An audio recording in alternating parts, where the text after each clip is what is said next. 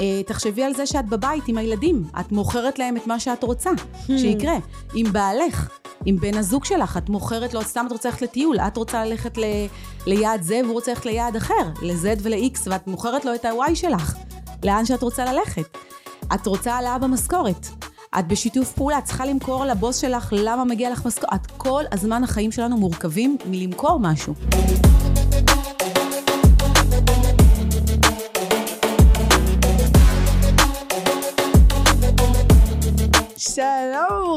הבאים לעוד פרק בפודקאסט שלי, חמש דקות של תהילה בביזנס, והפעם אנחנו עם... שרון ניפרבסקי נחום. יפה. אני הכנסתי את הנחום. וואי, פחדתי שתתבלבלי בשם. לא, חלילה. קורה לכולם. באמת, שלושה חודשים הייתי איתך נשמה, אני לא יודע. נכון. יאללה, ספרי לנו מי את ולמה אנחנו כאן היום. אה, וואו, מי אני? איזה, איזה שאלה. אוקיי. היא חזרה אחרי כאילו אירלנד, נכון? זה היה לא, אירלנד? זה היה לא? אירלנד, אחר כך זה היה לונדון. כן, זה כאילו אבל- היא חזרה מהודו, שתבינו, זה כן, משהו ה vibe. כזה. זה כזה- משהו כזה. זה כאילו האחרי צבא האירופאי שלי. בדיוק. בקרוב לגיל 50, אבל בסדר. אה, טוב, אז נתחיל ב title, כי מה לעשות, זה מה שאנשים רוצים לשמוע. ב title המקצועי, אז master NLP, יועצת עסקית, מאמנת מכירות, ובקרוב, יועצת פיננסית. מלכה. כן, אז אה, זה בגדול. התחלתי לשאול אותך ככה לפני שהפודקאסט התחיל, כאילו מה, מה אני מאמין שלך, אני אמרתי לך אני רוצה להתרכז איתך שנייה בעולם המכירות, למה יש לך שם זווית שהיא נורא נורא מרעננת, לא יודעת אם את מרגישה את זה, אני יודעת מה אני מרגישה את זה מהצד של הלקוחה דווקא, יש לך שם איזושהי זווית שהיא נורא נורא מעניינת אה, וחשובה, ובעיניי אה, מרעננת מאוד בכל העולם הזה של המכירות, אז בואי תספרי לנו רגע מה, מה אני מאמין שלך. טוב, אז ככה שאמרת לי, אני מאמין שלך, עלה לי המשפט שלי, אה, שהולך איתי, לא משנה מה אני עושה, לא משנה באיזה תחום אני אהיה, זה תמיד המשפט שב-15 השנים האחרונות, דגש על ה-15 שנים האחרונות, כי לפני שנכנסתי לעולם ההתפתחות האישית, זה ממש ממש לא היה המשפט שלי, אבל זה משפט שאם אני אלך על, על התפקיד שלי היום, שאני עובדת עם בעלי עסקים, עסק יכול להיות בור שישאב מכם את כל האנרגיות שלכם, ויכול להיות התפתחות אישית מטורפת אה, באופן אישי ובאופן עסקי. הכל תלוי בכם. השרביט בידכם. וגם כשהייתי בעברי מאמנת זוגות, באימון זוגות, אז היה אותו דבר על זוגיות. זאת אומרת, הבחירה בידיים שלכם זה יכול להיות ככה וזה יכול להיות ככה, וזה הכל מה שתבחרו לעשות. מה יקבע אם אני בבור או בהתפתחות? ההחלטה שלך. מה, קודם כל זה ברמת ההחלטה. אם אני מחליטה שאני הולכת להיות אה, אה, בקטע הטוב, ב- ברמה של ההתפתחות, ברמה של ה, אה, איך אני הולכת למנף את זה למקום טוב, שיהיה לי כיף, שיהיה לי, אה, שאני אהיה מאושרת, אז קודם כל זה ברמת ההחלטה, ומשם הפעולות שלי יצאו. ואם אני מחליטה, עכשיו אף אחד לא מחליט להיות בקטע הרע, כן? כן. זה. פשוט פועל יוצא של להחליט שאני, אין לי שום שליטה על החיים שלי, אין לי שום שליטה על העסק, על הזוגיות, אה, ואז אני בחוסר תנועה או בקורבנית, בקורבנות, וחוסר תנועה וקורבנות זה תמיד מוביל אותנו למקום של של הנפילה, הבור. של הבור. ואז אה, במקביל, חברה טובה שלי שהייתה מרצה שלי אה, לכתיבה יוצרת, ולימים נהייתה חברה ממש ממש טובה, אה, הביאה לי ספר של נפוליאון היל, אה, חשוב והתעשר, שספר מאוד מאוד מוכר, ההורים והתומים שלה, של כל ספרי ההתפתחות שקמו אחריו. אה, וזה ספר שנכתב בשנות ה-30, והיא הביאה לי את המקורי הראשון שתורגם, שהוא היה ממש מתפרק, שהיא קיבלה אותו מאבא שלה, וואו. באיזה חנות של ספרי יד שנייה, אה, ואני זוכרת שהדבקתי אותו, כי ממש פחדתי להרוס לה אותו, והספר הזה, כאילו הכל ביחד, ככה מוביל אותך לצעדים הראשונים שלך, וזה מראה שכשהפוקוס שלך במשהו מסוים, דברים מתחילים לקרות, היקום מתכנס לעברך, ולאט לאט את מגלה את הדרך שלך. ואני יכולה להגיד ש-15 שנה אחרי, כמובן שאני במקום אחר, כמובן שעברו עליי דברים מדהימים והתפתחות מטורפת, אבל אני עדיין בדרך, הדרך לא נגמרת אף פעם. וזה כל היופי, ליהנות מהדרך הזאת, להתרגש, לראות מה הולך להיות. אה, אבל זה מתחיל... לדעת שאין לנו שליטה גם על מה שיקרה בדרך, נכון, ופשוט בסדר. לתת לזה לזרום וליהנות ממה שיהיה. ואני בן אדם של שליטה מטורפת, ולגלות את החוסר שליטה, זה פשוט כיף. זה פשוט כיף להיות שם ב- בקטע. משחרר. משחרר, ולדעת שהכל יסתדר. זאת אומרת, אני אתן את המקסימום שלי, זה לא שאני אשכב על הספה ודברים יקרו. לא. אני אעשה את המקסימום שלי, אני אעשה את הפעולות שצריך לעשות, את מה שנראה לי באותו רגע לנכון, אני אעזר במי שצריך, במה שצריך, אבל אני משחררת. משחררת לגמרי שליטה, ובטוחה ויודעת ומאמינה שיהיה טוב. שמה שצריך להיות עבורי יקרה. מדהים. כן. מדהים. אני מתלבטת לאן לקחת את זה מכאן, כי כאילו פתחת איזה נושא מעניין וזה... אני יודעת שבאיזשהו שלב זה יתקשר לעולם המכירות, אבל... כמעט באתי נגעת להגיד, פה על משהו אבל... כל כך... דיברת פה על משהו כל כך חשוב. נכון. מרשה לי ככה לפתוח כאילו את מה שדיברנו מקודם כזה, על... בא לי דווקא שכן תדברי כאילו על הדרך שלך ועל העובדה שנסעת לאירלנד ואחרי זה המשכת וכולי. למה עשית הנסיעה הזאתי? טוב, אז נתחיל מזה שאני בן אדם הרפתקן. אני בן אדם שמשתעמם מהר, ואני חייבת כל הזמן להיות בהיי. בהיי מטורף, אני חייבת להיות בהתרגשות, אחרת לא טוב לי. אה, וגם מבחינה עסקית, אני בן אנשי הגם וגם. אני כל הזמן לומדת ומתפתחת, ו- ואני לא יכולה לקבל את זה שצריך להיות מפוקס רק על דבר אחד, ולעשות רק דבר אחד, ואחרת לא תהיה לך הצלחה. ולא יעזור כמה שנסו לשכנע וניסו לשכנע אותי בחיים, זה לא עובד. אה, אז זה דבר אחד. אבל הנקודה של לונדון הייתה נקודה שהיא מרכזת אליה כמה דברים. אני בהתפתחות עסקית כבר המון המון זמן, והרגש, והגעתי לפיקים מטורפים שאת יודעת, אה, שבעקבותם גם הגעתי אלייך, ככה לעשות סדר, לראות מכל מיני הצעות שקיבלתי, מה, מה אני רוצה לעשות הכי טוב. ואז הגעתי לקטע שהרגשתי מין חנק מסוים, מין משהו של, אני חייבת לעצור שנייה, ולעשות לעשות סטופ כדור הארץ, בואו נראה מי אני, מה אני, לאן אני הולכת, והרגשתי שפה אני לא יכולה לעשות את זה. בארץ. בארץ. פה זה בארץ, ישראל, אה, כי הרגשתי שאני כל הזמן עושה בעשייה מטורפת, אה, נזכיר במילה, אנרגיה זכרית מאפיינת אותי, קשה לי להיות באנרגיה נקבית, שזה יותר מנוחה, יותר עגולה, יותר בחשיבה. אה, והרגשתי שאני לא מצליחה לצאת מזה, כמה שאני לומדת מה זה להיות, מה זה לשחרר, כמה שאומרים לי, כמה, משהו הרגשתי שהוא נעצר. אה, והרגשתי שאני צריכה לברוח. ולברוח לשישי שבת, פה באיזה צימר, זה לא מספיק טוב. ולעשות איזה עצירה ולקחת יום חופש, זה לא מספיק טוב, והרגשתי שאני צריכה ניתוק. וחיפשתי, ובדיוק הייתי באירלנד, באיזה חופשה של אחרי כל הקורונה שלא טסתי לחו"ל, ואני מאוד אוהבת להיות בחו"ל, כי שוב, הניתוק הזה. ובאירלנד פתאום אה, הרגשתי מרחבים וחופש. ופתאום גם נורא רציתי לשפר את האנגלית, כי באמת עבדתי בענף שדובר אנגלית, וכמה שנים ככה בזמן הקורונה ועזבתי את העבודה, הפכתי להיות עצמאית במשרה מלאה. משרה מלאה, זה לא כל כך עובד. אה, וראיתי פתאום אבל ש... אבל זה עצמאית. זה עצמאית. במשרה מלאה. זה סופר משרה מלאה. ואז... אה, זה משרה מלאה על המשרה מלאה. כשהייתי באירלנד גיליתי פתאום שגם האנגלית ככה, ה flow נפגע, ואמרתי וואלה בא לי לעשות איזה, איזה קורס רענון כזה, משהו ברמה גבוהה. וידעתי שבארץ אני לא, שוב, עם כל הלחץ וכל הסטרס, אני גם לא אתמסר לזה. אה, וראיתי שבאירלנד יש בתי ספר, אה, שבאים לשם ללמוד נגיד לימודים גבוהים, אז לפני כן באים ללמוד ברמת שפת אם אנגלית, ואז אמרתי, בא לי משהו כזה, בא לי משהו כיפי כזה. ואמרתי, מי שתזרום איתי זאת הבת שלי. אה, ואיך שחזרתי לארץ, באתי וככה לקחתי אותה לשיחת קפה שלנו, והבת שלי, אני אזכיר שהיא בת 24 וחצי. ואז אה, היא זרמה איתי, אבל היה לה, אה, כמה ימים אחרי זה היא באה עם יציאה משלה, היא בדיוק סיימה תואר, אה, והיא באה כזה שהיא רוצה, היא הייתה חמש שנים בצבא בקבע, והיא רוצה את הטיול של דרום אמריקה, זה שאני מעולם לא עשיתי, ומי אני שאעמוד בדרכה?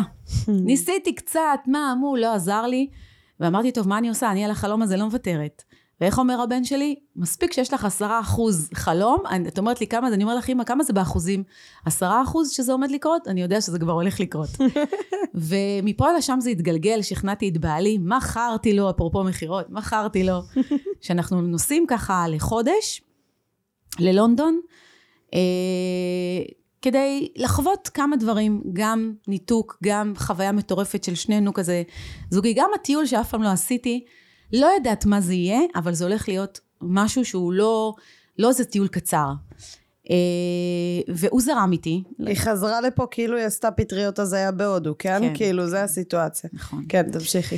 והוא זרם איתי, אה, ונורא נורא התרגשנו, ודווקא התקופה הזאת, עד שזה קרה, זה בערך שלושה חודשים מהרגע שסגרנו את הכל, עד שזה קרה, עבדתי עוד יותר בצורה מטורפת, והייתי עוד יותר באטרף על, על לסיים עבודה ולעשות כל מיני דברים ולקבוע יעדים ומ, ו, ומטרות, וגם היינו ביחד בתהליך, ומטורף, וגם הייתי, התחלתי לימודים של ייעוץ פיננסי, שזה גם סיפור בפני עצמו שלא ניכנס אליו.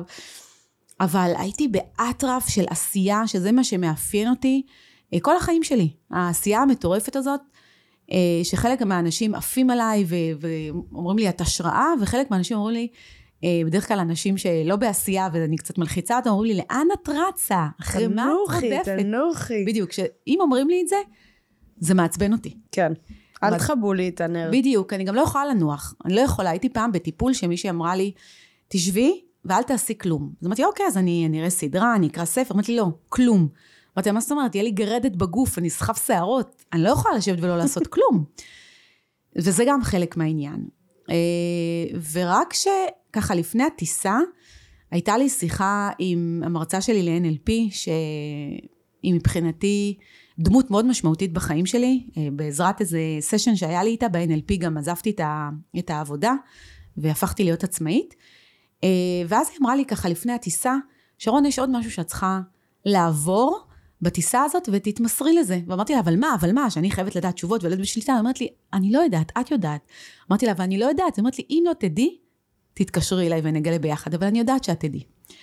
ובטיסה, בטיסה עצמה עכשיו זה הטריד אותי, מה הולך להיות? מה, אבל אני יודעת, אני הולכת לעבוד משם, ללכת לנסות עסק מרחוק. הדרך שלך הייתה נורא ברורה. כאילו נורא כשטסת ברורה. לשם. אני הולכת לעבוד מרחוק, כי יש לי עסק דיגיטלי, אפרופו דיגיטילי, עסק דיגיטלי, אני עובדת מהזום, אני יכולה לעשות כל מה שאני רוצה, אני הולכת ללמוד, אני הולכת לנפוש, אני הולכת להיות בפאקינג לונדון, כאילו, מה יותר מזה? כל מי שהיה שומע את זה, עף עליי, כאילו, זה לא משהו שבן אדם אה, עושה. זאת אומרת, יש אנשים שעושים את זה, לא בסביבה שלי. אה, ואז זה הטריד אותי, מהרגע שדיברתי איתה, זה מזלי היה כמה ימים לפני הטיסה, וזה הטריד אותי, מה, מה אני הולכת לעשות? מה אני הולכת לעשות? בטיסה, ככה, אני אומרת, איך אני אעביר חמש שעות? אני התעייפתי, לא בא לי לראות סרט, ואז פתאום נתקלתי באיזה פוד, פודקאסט של התפתחות אישית, ומצאתי את עצמי מאזינה לו במשך חמש שעות ברצף, כל הטיסה וואו. ללונדון. ופתאום ככה התחלתי להבין שזה ממש כאילו, גם, גם הייתי במין אופוריה כזאת, נכנסתי לאיזה מין תחושה כזאת של, וואו, איזה מדהים זה היה הפודקאסט הזה, אני הולכת לשמוע מלא פודקאסטים בלונדון. ובאמת, בלונדון פתאום באתי ב- ודיברנו על זה שאני הולכת לשווק, ואני הולכת לעשות סרטונים, ואני הולכת לעשות מלא מלא דברים. בנינו אסטרטגיה שלמה. בנינו אסטרטגיה כאילו. שלמה מה אני הולכת לעשות בלונדון, כן. ואפילו התחלתי לעשות את זה, ואפילו כתבת לי גאה בך וטטטי וטטטה. ופתאום אחרי שבוע הרגשתי שהשלווה הזאת של לונדון משתלטת עליי, ופתאום בא לי להתמסר, ולא בא לי לעשות סרטונים, ולא בא לי לשווק, ולא בא לי לעשות fucking כלום. ואז נתקעתי אה, בספר אה, של מרק מנסון, ש, נכון. שגם יש בו The art of not giving a fuck. בדיוק. והמילה fuck, כאילו, לא ידעתי מה אני אבחר, אני רוצה לקרוא ספר באנגלית, אני רוצה להתמסר גם לאלימות שלי כאן. והמילה fuck, ככה לקחתי את הספר, לא ידעתי מה הולך להיות שם, ידעתי שזו התפתחות אישית, ולקחתי אותו. וואו, ספר מדהים דרך אגב. איך קוראים לו בעברית? תזכירי לי, את זוכרת? הלך אותי. ספר צהוב. ספר צהוב? אין לי זה מושג. ספר צהוב של מרק כן, זה- מנסון. תרשמו, לא, זה ספר כתום בעצם. תרשמו בגוגל The Art of Not Giving a Fuck, אה, ואתם תמצאו אותו בעברית. לא האומנות. של... אה, לא, זה לא, זה לא, זה לא ככה אוקיי, בעברית. זה לא כמו ב... לא. כמו שמתרגמים לך חוכמת סדרות. האדישות, חוכמת האדישות. really? כן, של מרק מנסון. חוכמת האדישות זה של ספר אה, מדהים, רובין קצרצר. שרמה. אל גם הוא תפילי אותי לקח לו את עכשיו. השם? אל תפילי אותי עכשיו. טוב. לדעתי קוראים לו חוכמת האדישות. אפשר לתת נכון? את זה ב... כן, הנה דניאל חיפש אותו בגוגל. ת- ת- תקשיבו, זה ספר קצר מדהים, שגם מדבר על אה, מוטיבציה וכאלה וכמה זה בולשיט. מדהים, לגמרי, מומלץ לגמרי. בחום. תמשיכי, לגמרי. סליחה. אוקיי, אז מתחילים בהתמסרות בזאת. אה, בלונדון פתאום הרגשתי שאני רגועה, מה שלא הייתי ever. אני לא זוכרת את עצמי רגועה מהרגע שאני זוכרת את עצמי. השלווה משתלטת עלייך, הרוגע, הכיף, החוסר, להיות בחוסר שליטה, לא לדעת מה יהיה פה ומה יהיה שם, וכזה כיף ללכת, פתאום את מרגישה ילדה קטנה שהולכת כל יום לבית ספר, וזה כל מה שאכפת לה, והלכתי בדילוגים, שלא לא זכור לי שבארץ הלכתי בדילוגים לבית ספר אף פעם, אני תלמידה כל החיים שלי, ואני נהנית, אבל, אבל פשוט הייתי חוזרת מבית הספר, ובעלי עובד מהבית מרחוק, ואז הוא אומר לי, איך היה? והייתי אומרת לו, כמו ילדה קטנה, כיף, כיף, כי זאת הייתה המילה. והייתי מכינה שיעורים, והייתי לומדת למבחנים, והכל פשוט כיף. והחוויה של להכיר פתאום חברים, אה, אנשים, חברים, בואי. כאילו, אנשים מכל העולם, פתאום עורכת דין מערב הסעודית, ופתאום אה, חבר'ה... טוב, את מעודדת אנשים לעשות פה רילוקיישן, שרון, מה נסגר? אני מאוד, טוב, אני לא רוצה שעוד יצאו עליי פה. אני מעודדת אנשים לצאת לחוויה, לחפש. ופתאום אנשים מדרום אמריקה, איפה שהבת שלי, אנשים באים לשם, ועכשיו בני 20, בני 17, שופט בן 62 מגרמניה, מכל מקום בעולם, מה הסיכוי שתפגשי כל כך הרבה אנשים וכולכם באתם ככה, כל אחד עם התרבות שלו, כל אחד עם האני מאמין שלו. איך החוויה הזאת השפיעה עלייך, שרון? וואו, קודם כל, אה, אני בן אדם שמקבל את האחר תמיד, אבל את פתאום מגלה שזה לא ממש נכון. כי נגיד, ערב הסעודית, מה הסיכוי שהייתי באמת מתחברת עם מישהי מערב הסעודית? שואף לאפס. ופתאום שם, בשבוע הראשון עוד לא ממש התחברנו, כי המראה שונה, ואת נרתעת, והיא נרתעת, ישראל, היא נרתעת. כן. וסעודי ריביה, אני נרתעת, והלבוש והזה. ופתאום תוך כדי שאנחנו ככה משתפים בחוויות, והמורה ככה שואל שאלות, ואני גם מאוד דומיננטית, תמיד מדברת, היא פחות, אבל עדיין הוא ביקש לשמוע אותה, ופתאום אנחנו מגלים שאנחנו די דומות. כי עדיין, אנחנו מאותו אזור, ופתאום שתינו מכירות מה זה חומוס, ופלאפל. הערכים, הערכים דומים בסופו של היום. וגם הערכים דומים, וגם המילים פתאום, אנחנו הרבה משאילים מילים מהשפה הערבית, ופתאום הרבה הרבה דברים דומים, ופתאום אנחנו מוצאות את עצמנו בסטארבקס, כל הפסקה, הולכות לשתות קפה. ו, ומדברות, ו, והרבה עזבו אחרי שבוע, שבועיים, ואנחנו נשארנו, היא עוד נשארה חצי שנה, אני מקנאה בה, היא עורכת דין, בת 27, הגיעה עם כל המשפחה שלה לשמור עליה ככה. וואו. אה, כן, והיא לא יכלה להיפגש אחר הצהריים, אבל, אבל עדיין הייתה לנו חוויה מטורפת. יצא שביום האחרון בכיתי. בכיתי, היה לי מאוד מאוד קשה, ויצאתי בהצהרה שאני ל-LSI סקול חוזרת, ולא וואו. משנה מה. אה, אז החוויה הזאת הייתה מטורפת. חזרת לארץ. האם חזרת אותו בן אדם? לא. ולמה? קודם כל, יום לפני החזרה, אני בכיתי חצי לילה. ואמרתי לבעלי שאני מפחדת לחזור, פחדתי לחזור, פחדתי ששוב פעם אני אחזור להיות אותו בן אדם. כי הרגשתי שפתאום קשה לי להגיד את זה, ואני אפילו יכולה, רואים אותי עוד, זה כזה מצולם, אז אני יכולה לבכות. הרגשתי שאני יכולה לחזור להיות אותה, אותו בן אדם שלא מחובר לעצמו. אמנם זה לא אותו בן אדם כמו לפני 15 שנה, אבל זה עדיין לא אותו בן אדם שעובר תהליך, שעבר פה איזה סוג של תהליך. התחלת לומר לי לפני שהתחלנו את הפרק, מי הייתה שרון שלפני שטסה, ומי שרון של היום. שרון שלפני שטסה... Okay. אוקיי. אז בוא נגיד שרון שלפני שטסה, הייתה חייבת להיות בשליטה מלאה. חייבת להיות כל הזמן ביעדים ומטרות, בהתקדמות, בהתפתחות אישית, בשליטה על כל דבר, אם זה אם המשפחה, עמוד התווך, אם זה אה, אה, להתקדם כל הזמן, להוות השראה. והפעולות היו מופנות? כלפי החוץ, כלפי חוץ. עכשיו, זה לא שזה משהו שלמדתי בחודש האחרון. תמיד ידעתי שהפעולות צריכות להיות פנימה, ותמיד ניסיתי להתחבר פנימה, ועשיתי איזה דרך, אבל זה, זה כלום לעומת מה שקרה בחודש. מה שקרה לי שם. ועכשיו את בן אדם שהפעולות שלו... כלפי פנים. כלפי פנים. עכשיו, רק כדי שנסביר את הדבר הזה, מה זה אומר פעולות כלפי פנים? זה אומר שהיא מתמלאת נטו מזה שהיא נותנת. נכון. וכאילו היא עושה פעולות שהן כביכול כלפי חוץ, אבל מהם היא גם מתמלאת כלפי פנים. ואז היא כל הזמן מוצאת את עצמה בנתינה, זה משהו שלמדתי מהמטפלת בתת מודע שלי.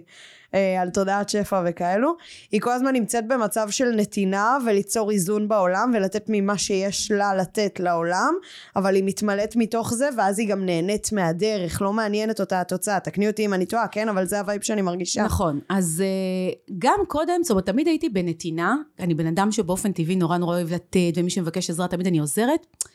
אבל להגיד שנהניתי מהבן אדם שבאותו רגע, אבל ההוויה שלי באופן כללי תמיד הייתה של סטרס. כאילו הסטרס עטף את הכל. אז את לא באמת יכולה לחוש את הנתינה שלך פה ואת ה... זה לא אותו דבר כמו שעכשיו אני נטולת סטרס. זאת אומרת, לא נטולת סטרס לחלוטין, יש לי עוד דרך לעבור. אבל אני כל הזמן שאני מרגישה את הסטרס מחלחל, אני עוצרת שנייה ואני אומרת, רגע, רגע, רגע, רגע. אל תתני לעצמך לחזור לשם, בואי תצמדי לבסיס הזה שיצרת, ו- וכל הזמן תעשי את התנועות הקטנות האלה לשם בחזרה. זאת אומרת, אני שום, על המשמר, לא לצאת משם. על המשמר, להיות כל הזמן בתנועות האלה פנימה. וקל לצאת החוצה, אין מה לעשות, כי פתאום יש לך את החשבון בנק שאת צריכה איכשהו אה, לדאוג שהוא ימלא, שאת צריכה למשוך משם משכורת לחשבון של הבית. אה, את צריכה, יש לך משכנתה לשלם, אה, יש הוצאות, אין מה לעשות, הם לא נעלמו, ויש חלומות נכון. שאני רוצה להגשים, והחלומות האלה גם, אבל עדיין יש איזה שחרור מטורף. אם קודם היו לי, אני צריכה את המשכורת האלה, אני צריכה את המשכורת האלה, לא. אני צריכה את מה שאני צריכה. הכל יבוא והכל יהיה בסדר, ופתאום קל לך להיות יותר באמונה הזאת שהכל יהיה בסדר. קל לך להגיד, אני אעשה את המקסימום שלי. ואת יודעת מה, אתן דוגמה יותר טובה.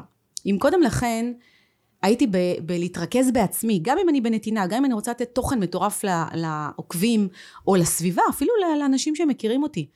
והייתי כל הזמן חושבת מה הם יחשבו, אולי הם יגידו שזה שטות, אולי הם, לא י... אולי הם יגידו לה, מה אם בבית השכל, היא לא מחדשת לי. ו... וכמה שחשבתי שאני כבר מעבר לזה, לא. תמיד זה, זה ניהל אותי איפשהו, גם אם זה במודע לא היה, זה ניהל בתת מודע. עכשיו, זה לא מעניין אותי. What the fuck, אותו fuck. כאילו, זה לא מעניין אני רוצה לתת. תרצה לקחת בבקשה, לא תרצה לקחת, הכל בסדר. הכל בסדר, אין, אין שפיטה, אין כלום, לא כלפי עצמי ולא כלפי חוץ. כי קודם הייתי מאוד שופטת את עצמי. את לא מספיק זה, את לא מספיק זה, למה נחת, למה פה, למה שם? מה, יש עוד שעתיים עבודה שיכולת לתת, עוד לא צנחה, עוד לא ירדה השמש, עוד לא שקעה, עוד לא... ממש. עוד לא ירדה השמש. כן, כאילו בלונדון הייתי קמה בחמש בבוקר של לונדון, שבע בבוקר ישראל, כי מה? כי מה, כאילו... צריך לעשות, בדיוק. פתאום, איך את מרשה לעצמך לישון? בדיוק, ואז באיזשהו שלב הגעתי לעצמי שאני שוכבת על השזלונג, מצלמת את ה... את, השק... את, ה... את העלייה, את הזריחה, או לא זריחה, את החושך שעוד לא עלה, ופשוט מתמסרת הלאט לאט הזה, והבטחה אחת שבאתי לעצמי, שבעלי אמר לי ככה באותו לילה, אז תמשיכי את מה שעשית פה גם בארץ. ו... ואז אמרתי, אוקיי, זו החלטה, אם יש משהו שאני באה מפה, זה להמשיך את זה, את ההתפתחות המטורפת הזאת, גם בארץ. את ההתמסרות הזאת, זה יותר קשה. אבל זו החלטה. איך אמרתי בתחילת השיחה? זו החלטה, ואם אני מחליטה, זה מה שיהיה. מדהים. טוב, זה היה הטו סנט של uh, שרון. עכשיו אנחנו נדבר על מכירות. כן. שרון, מה אני מאמין שלך בעולם המכירות? כי כמו שהתחלתי לומר, לשרון יש אני מאמין מאוד מעניין בעולם הזה, והיא גם באה מזווית אחרת. זה כמו שאני אומרת שאני לא אוהבת את אינסטגרם, אבל אני מלמדת איך אינסטגרם זה פלטפורמה למינוף העסק. לשרון יש פה קטע דומה, אז בואי תספרי לנו. אז הקטע הוא שבמשך השנים האמנתי שהייתה לי ממש אמונה ש... שניהלה אותי, היו לי המון אמונות שניהלו אותי למשך, במשך השנים. את פורמת יותר ויותר אמונות, אבל בעולם המכירות הייתה לי אמונה שאני ומכירות זה שמן ומים. ככה, כאילו לא מתחבר, לא יכול להיות ביחד. ומה זה גורם לך? לא להתקרב לעולם הזה. זאת אומרת, גם כשהייתי שכירה, ורצו להעביר אותי, זיהו איזה פוטנציאל שלי בעולם המכירות, ורצו, באו אליי, אמרו לי, תקשיבי, יש לך יחסי אנוש מעולים. ואת יודעת, למכור קרח לאסקימוסים, אני שונאת את המשפט הזה ועוד מעט נגיע אליו. אבל זה המשפט שככה רוצים להגיד, את יודעת למכור טוב. והייתי עומדת על הרגליים האחוריות, בשום פנים ואופן. אני, שמכירה תדאג אם אני אראה לחם הביתה או לא, כאילו אם מכרתי, לא מכרתי, בשום פנים ואופן, ברמה של אני עוזבת את העבודה אם זה מה שיקרה, עד כדי כך, ובסוף באמת לא העבירו אותי אף פעם אה, לעולם המכירות. ואז, כשהפכתי להיות עצמאית, אמרתי לעצמי, אוקיי, תקשיבי, כאילו, לא תמכרי, לא יהיה לך עסק, כאילו, זו משוואה מאוד פשוטה, אין מכירות, שווה, אין עסק, אין הכנסות. אה, ואז אמרתי, אוקיי, ואני בן אדם מאוד פרקטי. את לא יודעת משהו, לכי תלמדי. אין אצלי דבר כזה, אימא'לה, אני לא יודעת, אני לא יודעת, אני לא יודעת משהו, אני הולכת לומדת. ככה כל החיים. ואז אה, נרשמתי, אה, נרשמתי לקורס מכירות, נרשמתי לעוד קורס, נרשמתי, ואם אני לומדת משהו, את יודעת, אני לומדת אותו עד הסוף. כמו שצריך. אין ספר על מכירות אה, בעברית, והיום גם באנגלית, שהוא לא, יש לי ממש ספרייה בכל תחום שאני לומדת, כדי שיהיה לי עוד העשרה. ואני לומדת מעוד אנשים, ואני מתנסה. ואז תוך כדי ככה שאני לומדת מכירות, פנתה באיזה מסגרת של שיתוף עסקי שהיה לי, פנתה אליי אותה אחת שהייתי איתה בשיתוף עסקי ואמרה לי בואי תעשי לי מכירות. כמובן התנגדות ראשונית ואז אמרתי טוב מה אכפת לי? זה בית ספר. כאילו ואז פתאום גיליתי כישרון אדיר. אה, גיליתי שאני מצליחה למכור ולאט לאט גיליתי מה נוח לי ומה לא נוח לי כי מלמדים אותך שיטה. אבל אם את לא וזה התחבר לי שוב פעם העולמות האחרים שבאתי מהם העולם של ה-NLP העולם של, אני מאוד מחוברת גם ל, ל, לדת, אני לא דתייה, אני לא בן אדם דתי, אבל אני בן אדם מאוד שמחובר לדת אה, ולמסורת, ואני לא אעשה שום דבר שלא מרגיש לי נוח. ואם את לא מאמינה שאת יכולה למכור משהו, או שהדבר הזה טוב לבן אדם שתמכרי לו, ואת בן אדם טוב, לא תמכרי. לא תמכרי. ותוך כדי זה, ככה, אה, אה, גיליתי את השיטה שלי. ותוך כדי שאני מגלה שאני כן יודעת למכור, הבנתי שזה באמת היה שם תמיד. ולכולנו יש את היכולת הזאת. למה? פתאום גיליתי קודם כל שבתור שכירה, כל הזמן הייתי במכירות, פשוט זה לא הוגדר כתפקיד מכירתי ולא קיבלתי על זה עמלה. אז, אז זה לא היה לי בתודעה שלי מה זה מכירות. הייתי כל הזמן בפגישות עם לקוחות ומגייסת אותם ומשמרת אותם, וכל הזמן מכרתי. Uh, תחשבי על זה שאת בבית עם הילדים, את מוכרת להם את מה שאת רוצה שיקרה. עם בעלך, עם בן הזוג שלך, את מוכרת לו, סתם את רוצה ללכת לטיול, את רוצה ללכת ל, ליעד זה והוא רוצה ללכת ליעד אחר, ל-Z ול-X, ואת מוכרת לו את ה-Y שלך, לאן שאת רוצה ללכת. את רוצה העלאה במשכורת, את בשיתוף פעולה, את צריכה למכור לבוס שלך למה מגיע לך משכורת. את כל הזמן החיים שלנו מורכבים מלמכור משהו. מלמכור את המסר שלך, גם שאת סתם בשיחה. את, יש לך דעה. את לא אומרת את הדעה שלך סתם זורקת אותה לחלל וזהו. מוכרת אותה. את מוכרת אותה. למה היא נכונה לדעתך. בדיוק, את רוצה שיקבלו את הדעה שלך. לא משנה מה את עושה, את רוצה שיקבלו את הדעה שלך. ולכן את במכירה כל החיים שלך. וככל שאנחנו אה, משך, מבינים את זה, קודם כל בהבנה הזאת, קל לנו יותר להבין את הבסיס. כולנו אנשי מכירות בטבענו, ועכשיו נשאר לנו להבין איזה אנשי מכירות אנחנו. האם אנחנו איש המכירות שצרוב לנו בתודעה לרוב האנשים, שמהילדות שלנו, לא יודעת מהילדות שלכם, אתם ילדודס, אבל בילדות שלי, אנשי המכירות היו דופקים על הדלת ומוכרים לנו סדרת אה, אנציקלופדיית מכלל, בטח אתם גם לא יודעים מה זה, או אביב, או בוטניקה, כל מיני ספרים כאלה שמעלים אבק ואף אחד לא פותח אותם. משכנעים את ההורים שלכם ו- וזהו, ואז לא תראו אותם בחיים שלהם, לא תראו את האיש מכירות הזה, ואז לא תעשו גם כלום, זרקתם את הכסף.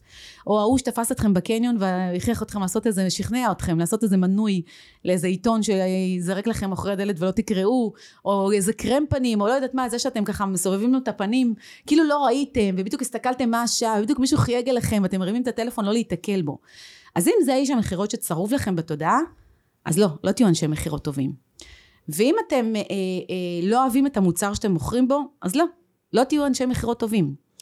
אלא אם כן אתם האנשי המכירות הראשונים הסליזים שרוצים רק, אה, סליחה על הביטוי, שרוצים רק לסלוק ולעשות את העמלה שלהם, אבל באני מאמין שלי זה לא מחזיק מים לאורך זמן.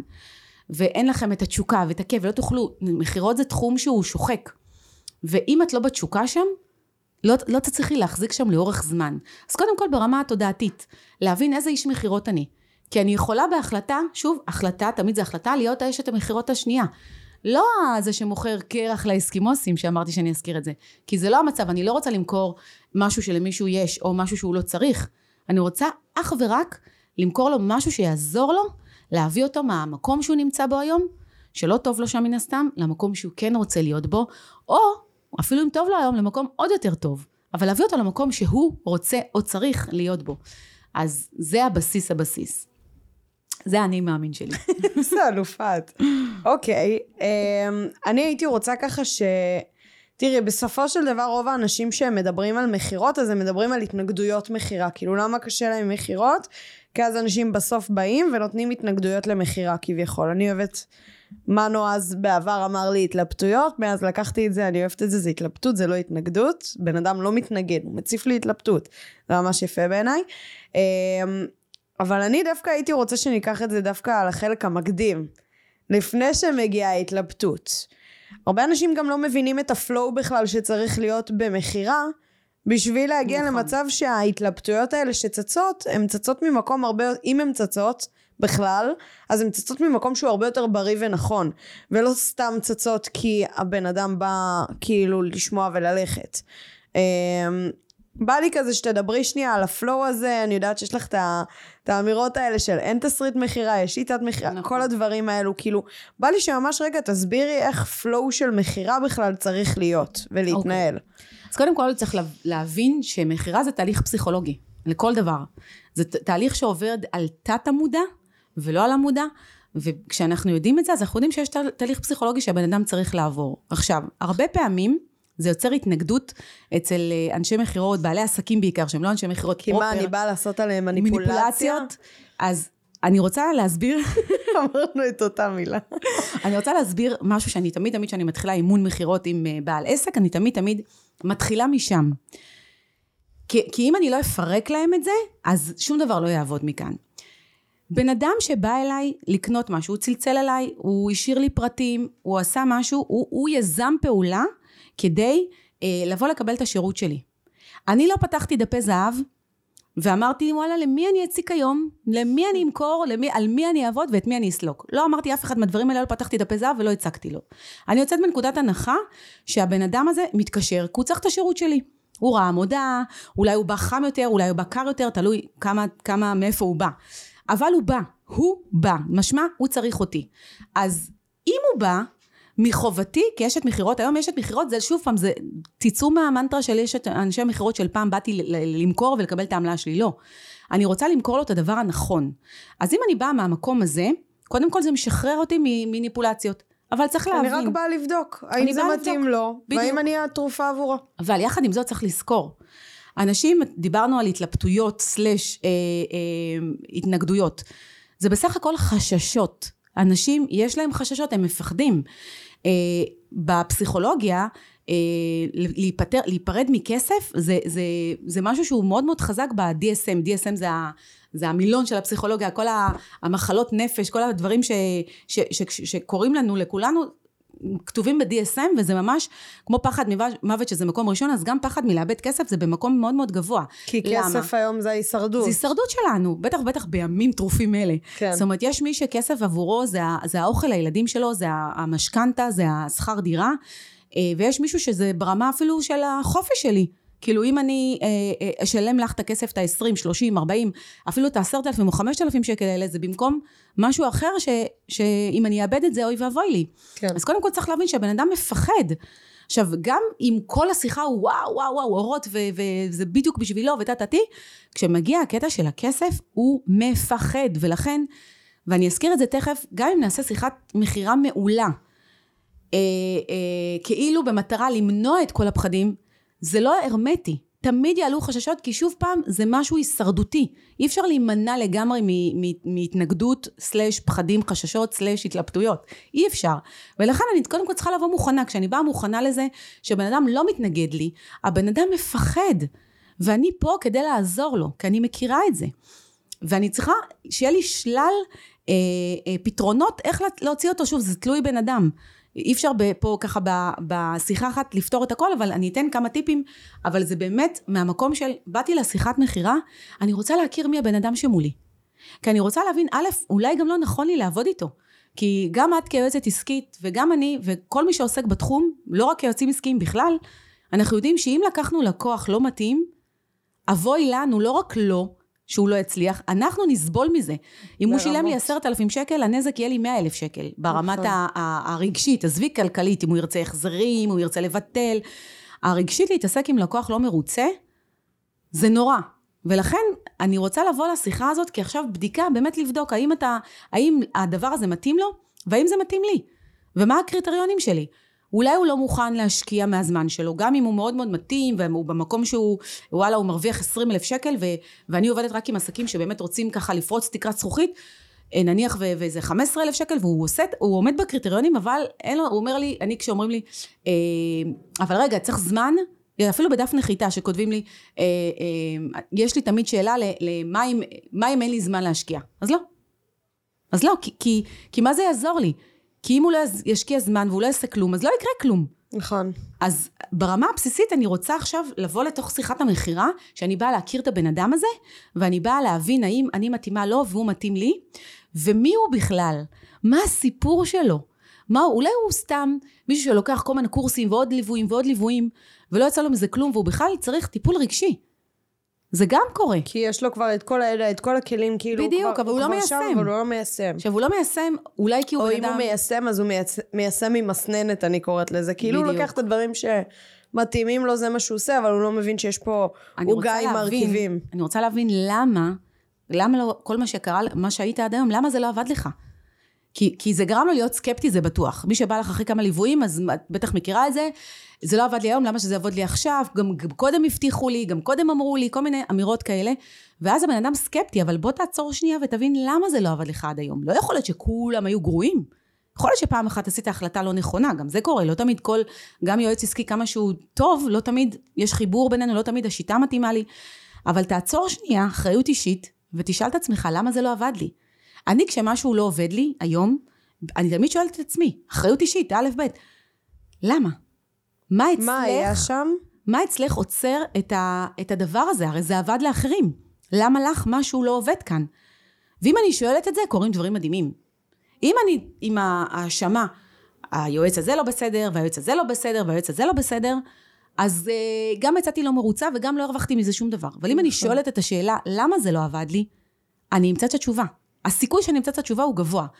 ואולי אם אני אהיה כנה ואני אגיד ליועץ, בוא תעזור לי. אני לוקחת אחריות, משהו פה כנראה, אבל בוא תעזור לי, זה, יעזור, זה, זה יהיה מעולה. וה, והיועץ ישמח לזה, אני בטוחה. ברור, כי זה הצלחה משותפת. בדיוק. לא משנה אגב באיזה תחום. כל תחום של תחום שירות או תחום נכון, מומחיות. נכון. זה ממש ככה. נכון. אז אם אני באה למקום הזה של להכיר את הבן אדם, ופה אני ממש ממש ממליצה גם ללמוד סגנון התקשורת.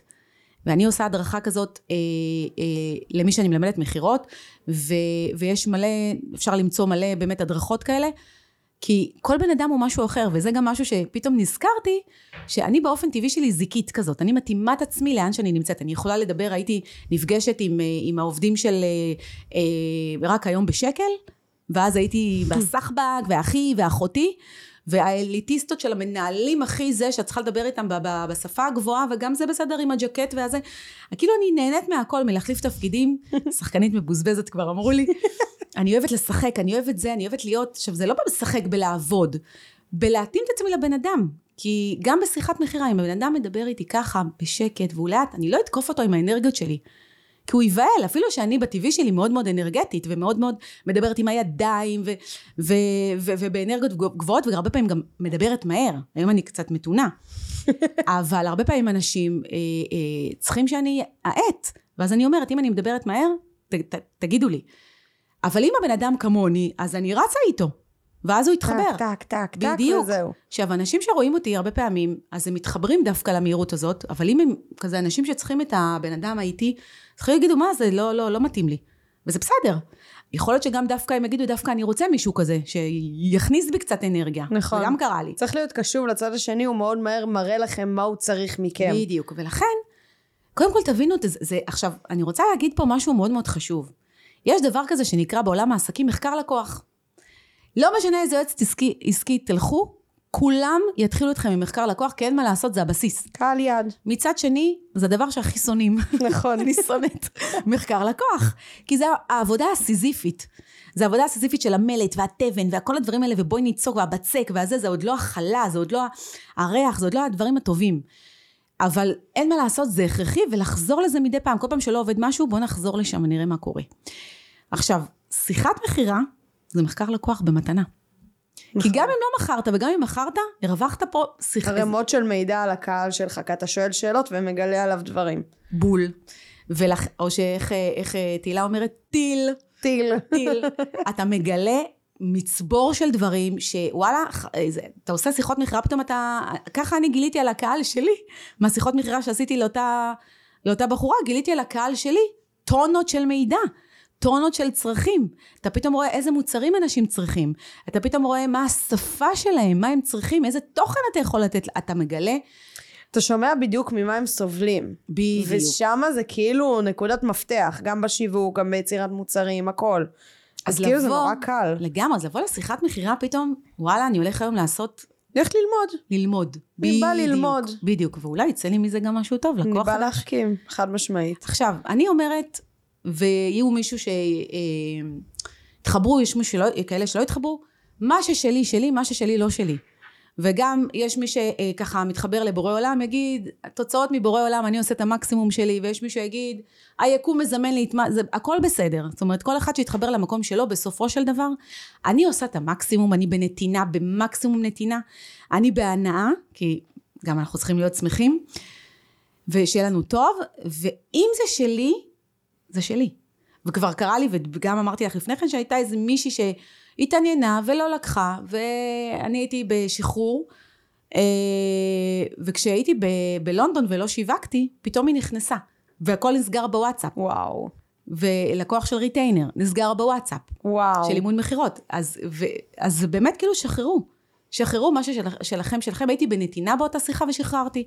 ויש איזו עוד שיחה שגם הייתה לפני כמה ימים, ואני יודעת, כאילו בידע, אני יודעת שהוא הוא יבוא. שזה שם. שזה שם.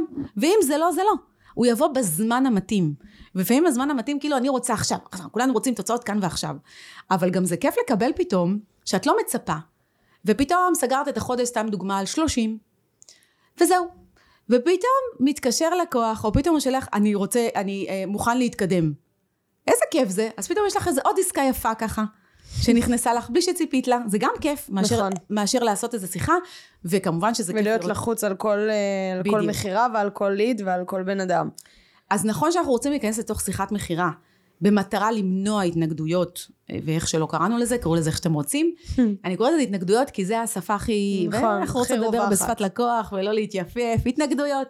אז, אה, אז אם אנחנו נבוא באמת בנתינה, אם אנחנו ניתן את המקסימום ונבוא בנתינה גם, בואו נראה לבן אדם מה, איך אני יכולה לשפר לו את החיים. תן לו טיפים, ממש באהבה. הוא ירגיש שהוא כבר נכנס לאיזה תהליך, ויהיה לו פחות התנגדויות, אבל יהיו לו. וזה בסדר. זה בסדר, אני פה אה, אה, כדי לפתור לו אותם, כדי לעזור לו אה, למוסס אותם. עכשיו, עוד טיפ גדול. כל התנגדות שיש לכם, תרשמו אותה, תכינו ספר הטיפים הגדול, ספר ההתנגדויות, ספר הלא יודעת מה. אם אתם דיגיטליים, תפתחו קובץ, אם אתם אה, מאנשי הספרים, תפתחו ספר, ותכתבו כל התנגדות שיש לכם. לאט לאט תראו שיש לכם פתאום לכל התנגדות מלא מלא מלא מלא מלא תשובות. מלא. ואז באופן טבעי, אתם הופכים להיות אשפים במכירות. ככה זה כאילו היום אי אפשר להתקיל אותי בשיחת מכירה, אי אפשר להתקיל אותי במשהו שאין לי אליו תשובה. לא תמיד יקבלו את זה וזה בסדר, כי שוב אמרנו, לא תמיד הכל מתאים לכולם. אבל לי, אני לא אשב ואני לא יודע מה להגיד לבן אדם, אה, כן, טוב. אה, לא, לא יהיה לי את זה. כאילו, אני צריך לחשוב על זה טוב, תחשוב על זה ביי. אני כן. צריך אה, לדבר עם אשתי, אה, לך לדבר עם אשתך. נכון. לא. שנייה. אז ה- אני צריך לחשוב על זה, צריך לזכור שאני צריך לחשוב על זה, זה שם קוד ל... אני לא מספיק- מפחד. כן, אני לא מספיק בטוח בדיוק. בדבר אני הזה. מפחד. אני מפחד. עכשיו, אני גם לא יודע, לפעמים הם לא יודעים ממה הם מפחדים, הם פשוט, הם שמעו עכשיו את המחיר, ועלה להם הפחד. תת המודע אומר, לא, לא, שומר עליהם, אל, ת, אל תבזבז כסף, אתה תיפול, אתה זה, כל הפחדים עולים, תת המודע, טה טה טה טה, מציף לי את כל הפחדים, למה לא? עולה, למה לא?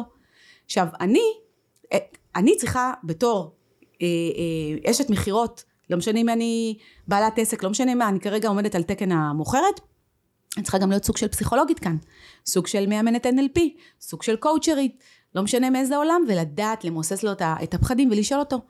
זה מעולה, שאתה, זה, אבל בואו נחשוב ביחד, אה, אה, ככה, על מה, בואו, אף אחד לא עכשיו יוצא ואומר, אני הולך לחשוב שעתיים ביומן, מ-6 עד 8 בערב אני חושב, אני לוקח יום חופש, אני קבעתי עם אשתי פגישה, לא, זה לא נכון, זה אנשים רוצים שכרגע תרדי להם מהחיים, ואל תלחיצי אותם. ותורידי את הלחץ הזה רגע. בדיוק, עלה לי הזה- לחץ, הלחץ שנייה. אני רוצה לשחרר אותו. כן. אז אני רוצה להיות איתו, וזה בסדר, בוא, אני, אתה לא, לפעמים אני גם משחררת, אם אני רואה בן אדם לחוץ, אתה לא הולך להחליט עכשיו, אני גם לא אקבל את ההחלטה שלך. אבל בוא, תעזור לי, לעזור לך. בוא נראה ככה על מה אנחנו, יכול להיות שיש איזה מידע שהוא חסר לו ולי יש אותו, ולא אמרתי לו אותו, או שלא שמתי עליו דגש, או שהוא לא שם לב שאמרתי, הכל בסדר, אחריות עליי. אבל אני רוצה לשאול, ולתת לו איזה שאלה, אתה יודע מה, כשבדרך כלל שאנשים אומרים לי, אני צריך לחשוב על זה, זה נובע מ... מ משלוש אפשרויות, מהניסיון שלי זה נובע משלוש אופציות. אחד, זה ש... אה, זה לא מתאים לך, השירות הזה, שאתה מרגיש שזה לא זה. עכשיו, אני אקדים ואומר, שלפני שאני בכלל אומרת מחיר, לפני, כלל, כלל זהב, ברזל, אני תמיד תמיד שואלת, הצגתי את המוצר שלי, עברתי את כל התהליך המכירה, תמיד אני שואלת, תהילה, לאור כל מה שאמרתי לך עכשיו, האם זה מה שאת מחפשת? זה התהליך שאת רוצה? עכשיו, אם עשיתי שיחת מכירה טובה, מה תגידי לי? כן. טיל. לא, תהילה תגיד טיל. אני, שרון, תגיד בול. בן אדם אחר יגיד, אה, מדויק, וואלה, מדויק. זה בדיוק מה שחיפשתי. והחששנים ביותר יגידו, "אה, האמת שכן, אבל בואו נראה מה הנזק, כן? כאלה שאל תתפסי אותי במילה, אבל, אבל את תקבלי את האוקיי שלך. כן. ורק אז אני ממשיכה למחיר. אם אני לא ממשיכה, אם אני לא, לא, הבן אדם אני רואה אותו מהסס, אני לא ממשיכה למחיר, למה? הוא מהסס, אני אגרום לו ליפול עוד יותר עם המחיר. שם אני עוצרת, אם הוא אמר לי לא, משהו, משהו הססני, אני אומרת לו, אוקיי, אז בוא אז- נדבר על זה רגע, מה... מה עוד חסר לך? מה עוד חסר לך כדי להרגיש שאתה... בטוח. בטוח שם, ש, ש, מה עוד חסר לך לקבל? ואז אני כאילו חוזרת אחורה ועושה, משלימה פערים, מצ- מצמצמת, צובעת את כל הנקודות ה- החורים שיצאו, ורק אז ממשיכה למחיר. אבל אם קיבלתי את האוקיי, אז מן הסתם, האופציה הזאת שאמרתי, אופציה ראשונה, שזה לא מתאים לך, אופציה שנייה, שזה לא המחיר שציפית, ואופציה שלישית, אה, ואז אני, אני, מהניסיון שלי, מהתפקיד שלי, אני חושבת כאילו מה, מה האופציה השלישית, אה, זה שנגיד, מה יכול להיות, אה, זה? לא מתאים לך, זה לא לא, מתאים לך, אמרנו? המחיר לא מדויק לך.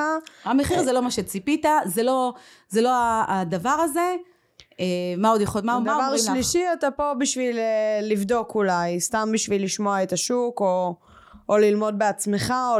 כאילו זה לא... אוקיי, עכשיו, אנחנו כבר יודעים, אני כבר יודעת שזה מה, שהמוצר... אתה לא באמת סגור על זה שאתה רוצה בכלל לעשות דרך כזו? כן, יכול להיות שאתה לא בטוח שאתה רוצה לצאת לדרך, אוקיי? אתה לא בטוח שאתה, שזה הזמן בשבילך, או לא משנה. מה שהוא אמר, מה שבדרך כלל רווח ב, אצל הלקוחות שלי. כן.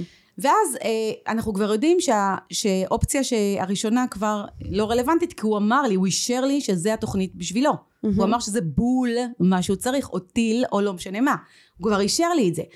אז מה זה משתי האופציות האחרות? המחיר, או שזה לא, אה, או שזה, אה, אתה מרגיש שזה לא הזמן הנכון. ואז הוא גורם לו לחשוב. מזכירה שהבן אדם לא תמיד יודע מה עוצר אותו, הוא מפחד, אבל פה הוא עוצר והוא חושב. אם זה העניין של המחיר, אז אני יודעת. ואז אני מוציאה את כל מה שיש לי בארסנל על, על, אה, על איך אני פותרת את ה... את, התנגדות של התנגדות מחיר. מחיר. ואם זה... בין אם זה אופציות תשלום, בין אם זה פה, הכל. בין אם זה שם. אם יש לי אולי הנחה, יכול להיות שיש לי הנחה. הנחת מזומן, כל יכול להיות מיני שיש לי איזה כאלה. סוג של הנחה, יכול להיות שבנהלי העבודה שלי יש גם הנחה.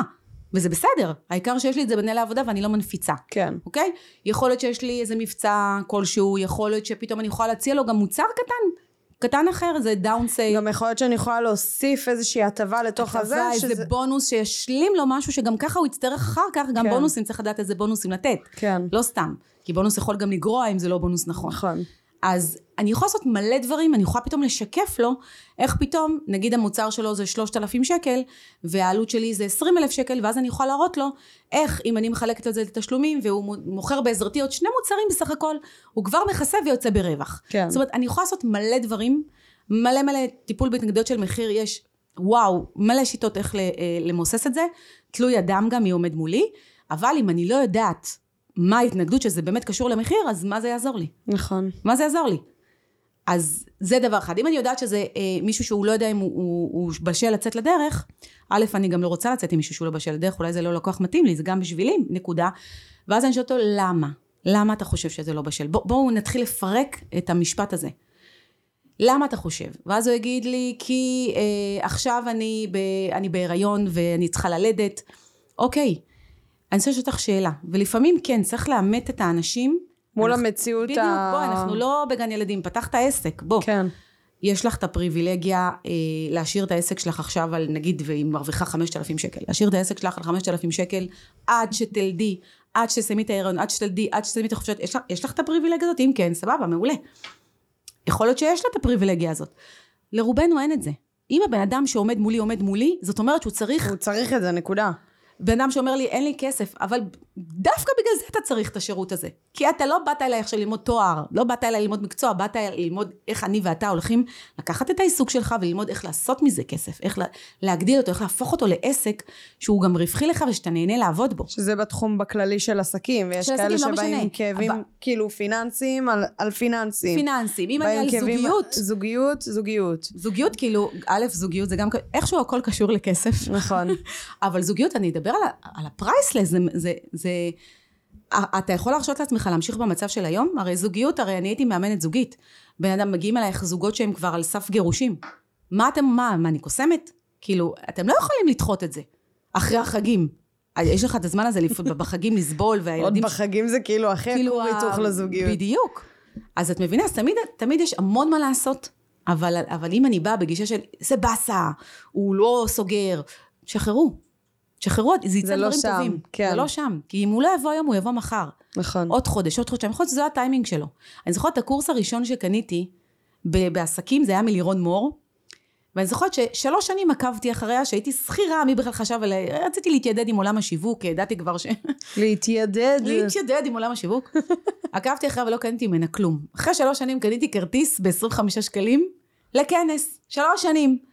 לקחתי את הבת שלי, הייתה תלמידת בית ספר, הלכנו לכנס ביום שישי, ושם היא סלקה אותי על 5,000 שקל הראשונים. וואו. שלי בעולם הזה שלה. מאז הוצאתי המון כספים, אבל כי אני מאמינה ב... אתה צריך עזרה, קח אותה. אבל אני אומרת, אבל לירון מור, תראה איך הייתה אומרת, אה, או, או, או כל יועץ אחר, לא משנה, הייתי אצל הרבה יועצים אחרים, בכל מיני תחומים, תראה לך, והוא היה, לא, זהו, היא לא קנתה, לא, שלוש שנים עקבתי, עקבתי, עקבתי, בת, זה היה הטיימינג שלי. כשהטיימינג היה נכון, יצאתי 5,000 שקל. איך את אומרת? כשהתלמיד מוכן, מורה מגיע. בדיוק, וכשאני הייתי מוכנה, דברים קרו. התפתחות מדהים. קרתה. מדהים, מדהים, מדהים. חשוב לי לשאול אותך שאלה ככה אחרונה ו... איך ו... אני מג'נגלת בין המים לקפה? כמו שצריך, נשמה, ככה עושים את זה נכון. סתם. אה, מה, איזה מסר מאוד מאוד מאוד מאוד חשוב לך? מסר אחד ככה להעביר לבעלי עסקים ששומעים אותנו. תוך כדי אני מבשלת פה חתיכת אפצ'י. אוקיי, אה, וואו, זה מה זה קשה לבחור, כי יש כל כך הרבה, אני רוצה להגיד שני דברים. אחד, אין דרך אחת נכונה. אין דרך נכ- אחת נכונה, יש כל כך הרבה דרכים וכל כך הרבה אפשרויות, וגם אם משהו לא, לא אתם מרגישים שאתם הולכים, והכל פול גז בניוטרל, ו, ו, וזה לא עבד לכם, והייתם בכמה ייעוצים או בכמה דברים, ושום דבר לא עבד לכם, אל תרימו ידיים, אין לכם את האפשרות, זה אחריות אישית. המילה היא, הכותרת היא אחריות אישית. פתחתם עסק, אין לכם את הפריבילגיה להרים ידיים. זה כמו זוגיות, אז מה, זה לא הלך לי בזוגיות הראשונה, אז אני ארים ידיים? אז למה לא הייתה לי זוגיות של כמעט 14 שנה מדהימה, מדהימה, אם הייתי מרימה ידיים אחרי שהתגרשתי בפעם הראשונה. לא, לא יהיה פעם שנייה.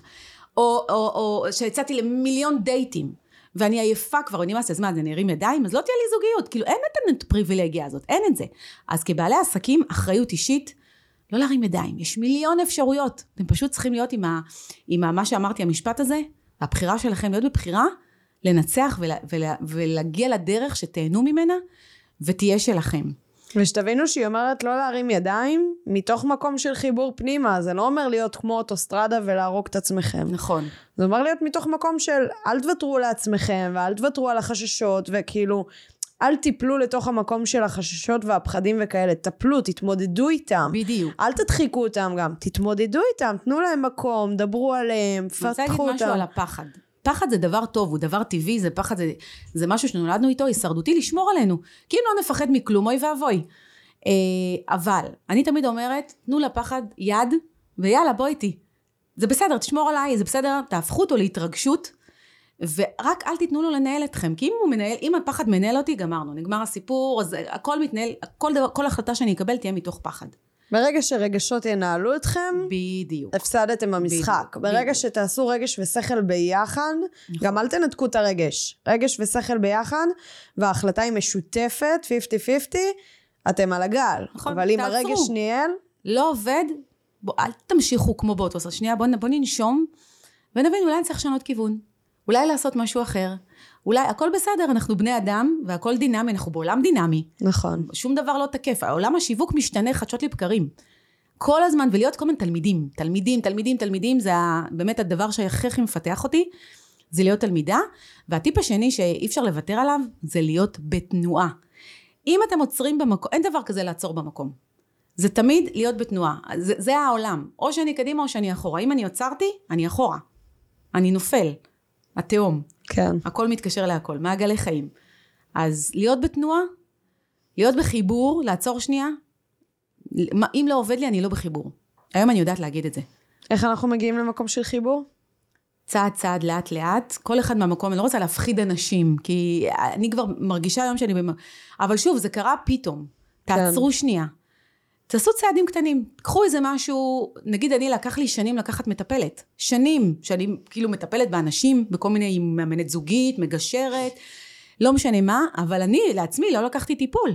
ורק כשלקחתי טיפול, וואו, וואו, זה שיפר לי את האס... זה שיפר לי את כל מעג- מעגלי החיים, אבל גם אז זה לא מספיק. ראית. ו- צריך להתנסות. בדיוק, וכל הזמן עוד צעד, ועוד צעד, ועוד צעד קטן, ואם זה אה, פתאום לשמוע דברים של תודעה, דברים של... משהו פתאום ייגע בכם. אני שמעתי אין ספור דברים וקראתי אין ספור ספרים של התפתחות אישית, משהו פתאום נוגע, ואז, ואז אתה יודע שזה הדרך. אתה יודע, אתה מדהים, יודע. כמו שקרה לי במטוס ששמעתי את הפודקאסט והבנתי שמשהו הולך לקרות. מדהים. כן. וואו, שרון, תודה רבה. איזה כיף היה לי. היה פרק כאילו מדהים, זה כאילו הרגיש כאילו רק הייתי צריכה להוציא את השסתום וברוק, כן, הכל יוצא. החוצה. ואיזה כיף שלא דיברנו לפני כן ולא היה מושג על מה אנחנו הולכות לדבר. זה, אפילו לא דיברתי איתה. זה הכי טוב, זה הכי עם טוב. העוזרת שלך שקבעה איתי, ואנחנו דיברנו מאז, נכון. אבל אף פעם לא הזכרנו את זה. נכון, כי זה הכי אותנטי בעולם ככה, ואני הכי אוהבת את זה, ותראו איזה קסמים יצאו מפה ומטעמים. אז תודה רבה רבה רבה, זה לא מובן תודה מאליו. שהזמנת אותי. והיה היה כיף. איזה. כיף, חברים, תנו בראש, ניפגש שבוע הבא בפרק הבא. ביי ביי. אז זהו חברים, תודה רבה שהאזנתם לפרק שלי. אם יש לכם שאלות או כל דבר, ובכללי אתם רוצים להעיף את העסק שלכם למעלה וללמוד עוד ועוד על עולם העסקים הצומח ועולם השיווק הדיגיטלי, אתם מוזמנים לעקוב אחריי באינסטגרם, קוראים לי שם דיגיטילי בתף ועם רווח, בסדר? תמצאו אותי, אל תדאגו. ממש על ההתחלה. מוזמנים לדרג את הפרק הזה חמישה כוכבים, אני יותר מאשמח, זה יעשה לי שמח בלב, ובכללי, זה יתרום לי להעיף את העסק שלכם עוד יותר למעלה ולהביא לכם לכאן אנשים חזקים שייתנו לכם עוד ערך ועוד מידע וזהו, נתראה בפרק הבא.